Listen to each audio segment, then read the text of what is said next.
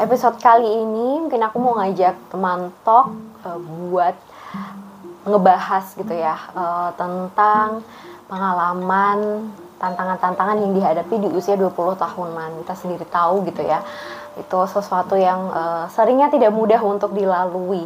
Atau kalau dulu uh, bukan dulu ya mungkin ya beberapa tahun terakhir gitu ya kita ngebahasnya soal isu quarter life crisis gitu kan. Jadi yang hal-hal yang memang menjadi permasalahan atau menjadi dilema di usia 20 tahunan. Walaupun aku sendiri juga pernah ngomong ya di podcast kalau kalau menurut aku sendiri quarter life crisis atau uh, krisis kehidupan itu nggak cuma terjadi di usia 20 an tahun atau 25-an tahun tapi di usia-usia mungkin yang yang 30 tahunan, 40 tahunan lebih menurut aku juga bisa saja mengalami krisis-krisis hidup gitu dan mempertanyakan pilihan-pilihan dalam hidup uh, karena satu dan lain hal. Uh, ngomongin soal itu gitu ya kenapa sih aku ingin ngajak uh, teman tok untuk nge-refresh lagi karena aku ngerasa uh, dan kebetulan kan memang jujur nih aku jujur deh udah melewati fase 20 tahunan itu gitu ya yang mana memang memang nggak mudah banget untuk dilalui. Banyak banget tantangannya mulai dari perubahan uh, kehidupan atau tanggung jawab gitu ya sebagai seorang uh, anak uh, kemudian tanggung jawab uh, dari anak yang mungkin masih bergantung dengan orang tua menjadi anak yang harus mandiri gitu ya uh, dari anak yang harus mandiri kemudian um, mulai menjalin hubungan yang serius dengan orang lain sampai kemudian akhirnya memutuskan untuk menikah gitu ya yang membangun keluarga satu unit sendiri dengan pasangan yang mana juga tanggung jawabnya pasti berbeda banget gitu. Belum lagi setelah itu uh, beberapa orang juga memilih untuk uh, punya anak gitu ya yang yang tentu banyak banget penyesuaiannya uh, kehidupan yang berganti gitu ya fase hidup yang berganti tuntutan-tuntutan yang yang terus berubah gitu seiring dengan bertambahnya usia berubahnya status berubahnya uh, tang apa ya bertambahnya tanggung jawab berdasarkan pilihan-pilihan dalam hidup kita itu tentu menuntut kita buat beradaptasi. Dan mungkin aku uh, ya baik lagi promosi gitu ya.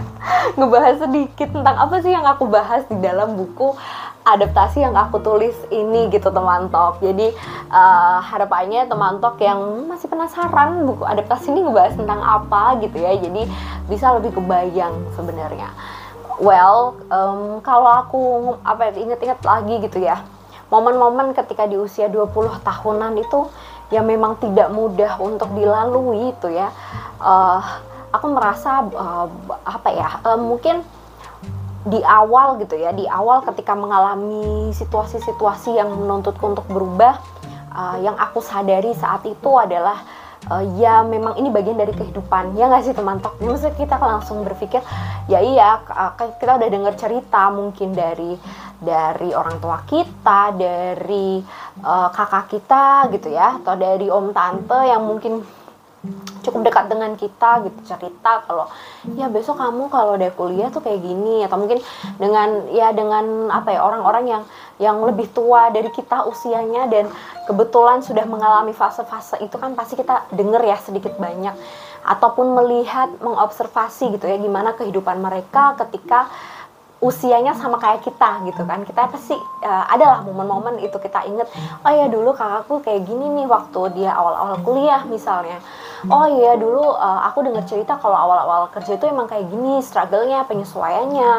Uh, aku juga dengar dulu kayak uh, kemarin misalnya terutama mungkin kalau urusan misalnya pernikahan gitu ya mungkin kita banyak secara sukarela gitu mendapatkan uh, cerita secara sukarela dari orang lain gitu ya dari kayak persiapan pernikahan kayak iya besok kamu nanti kalau nikah gini gini gini gini gitu. Jadi banyak banyak informasi yang kita dapatkan uh, sebenarnya untuk kita bisa menghadapi kehidupan di usia-usia uh, jenjang-jenjang selanjutnya gitu tuntutan tuntutannya gitu. Namun memang pada akhirnya aku juga menyadari kalau ternyata uh, aku merasa ya tetap aja nggak mudah gitu ya tetap aja rasanya kayak aneh. Rasanya itu kayak hmm, bingung gitu ya. Mau gimana? Ya udah sih orang udah ngasih tahu. Mungkin juga kita udah denger dari YouTube orang lain gitu ya yang cerita. Kita mencoba cari tahu lebih dalam gitu ya. Gimana handle the crisis gitu ya uh, untuk beberapa situasi.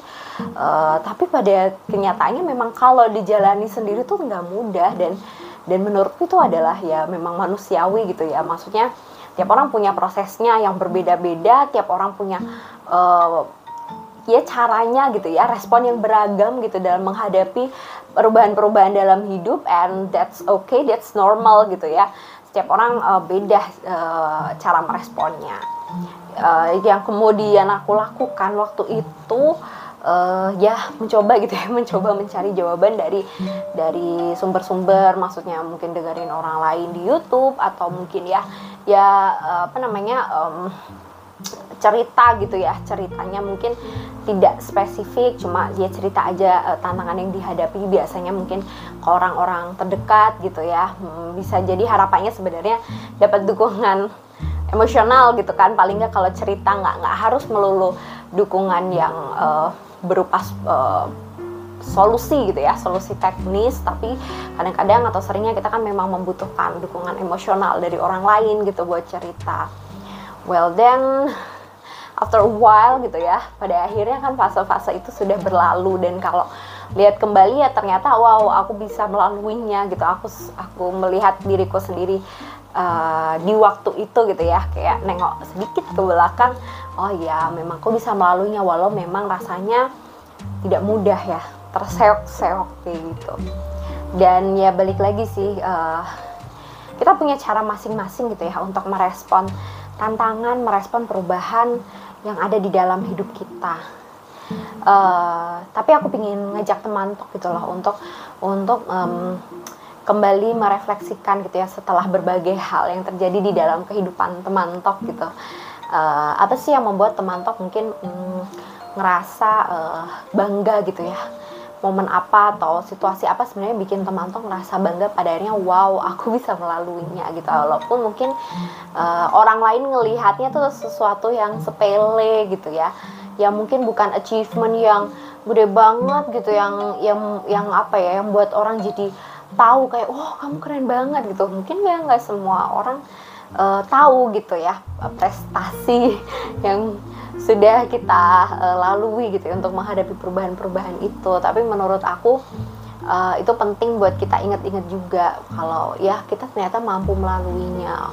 Walaupun juga sebagai catatan gitu ya ketika kita mampu melalui situasi yang sebelumnya gitu ya mungkin ketika kita menghadapi situasi baru lagi di saat ini uh, kita bisa dengan mudah melaluinya tuh juga uh, belum tentu sebenarnya kan nggak menjamin Uh, tapi dengan kita tahu gitu ya, oh kita pernah melalui hal seperti ini, yang awalnya kita berpikir tidak mudah, tapi ternyata kita bisa melaluinya. Mungkin di situasi yang sekarang ini, walau lagi-lagi terasa berat dan tidak mudah, uh, kita bisa uh, mencoba gitu ya, mencoba cara yang pernah kita lakukan, mencari dukungan, mencari penyelesaian yang efektif gitu ya uh, walaupun mungkin kalau memang rasanya sudah mentok balik lagi ya aku selalu mendorong teman tok untuk ya cari cari dukungan orang-orang terdekat yang dipercaya gitu ya uh, supaya nggak ngerasa sendirian.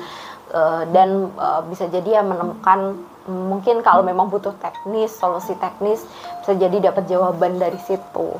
Uh, di buku adaptasi itu promo ya.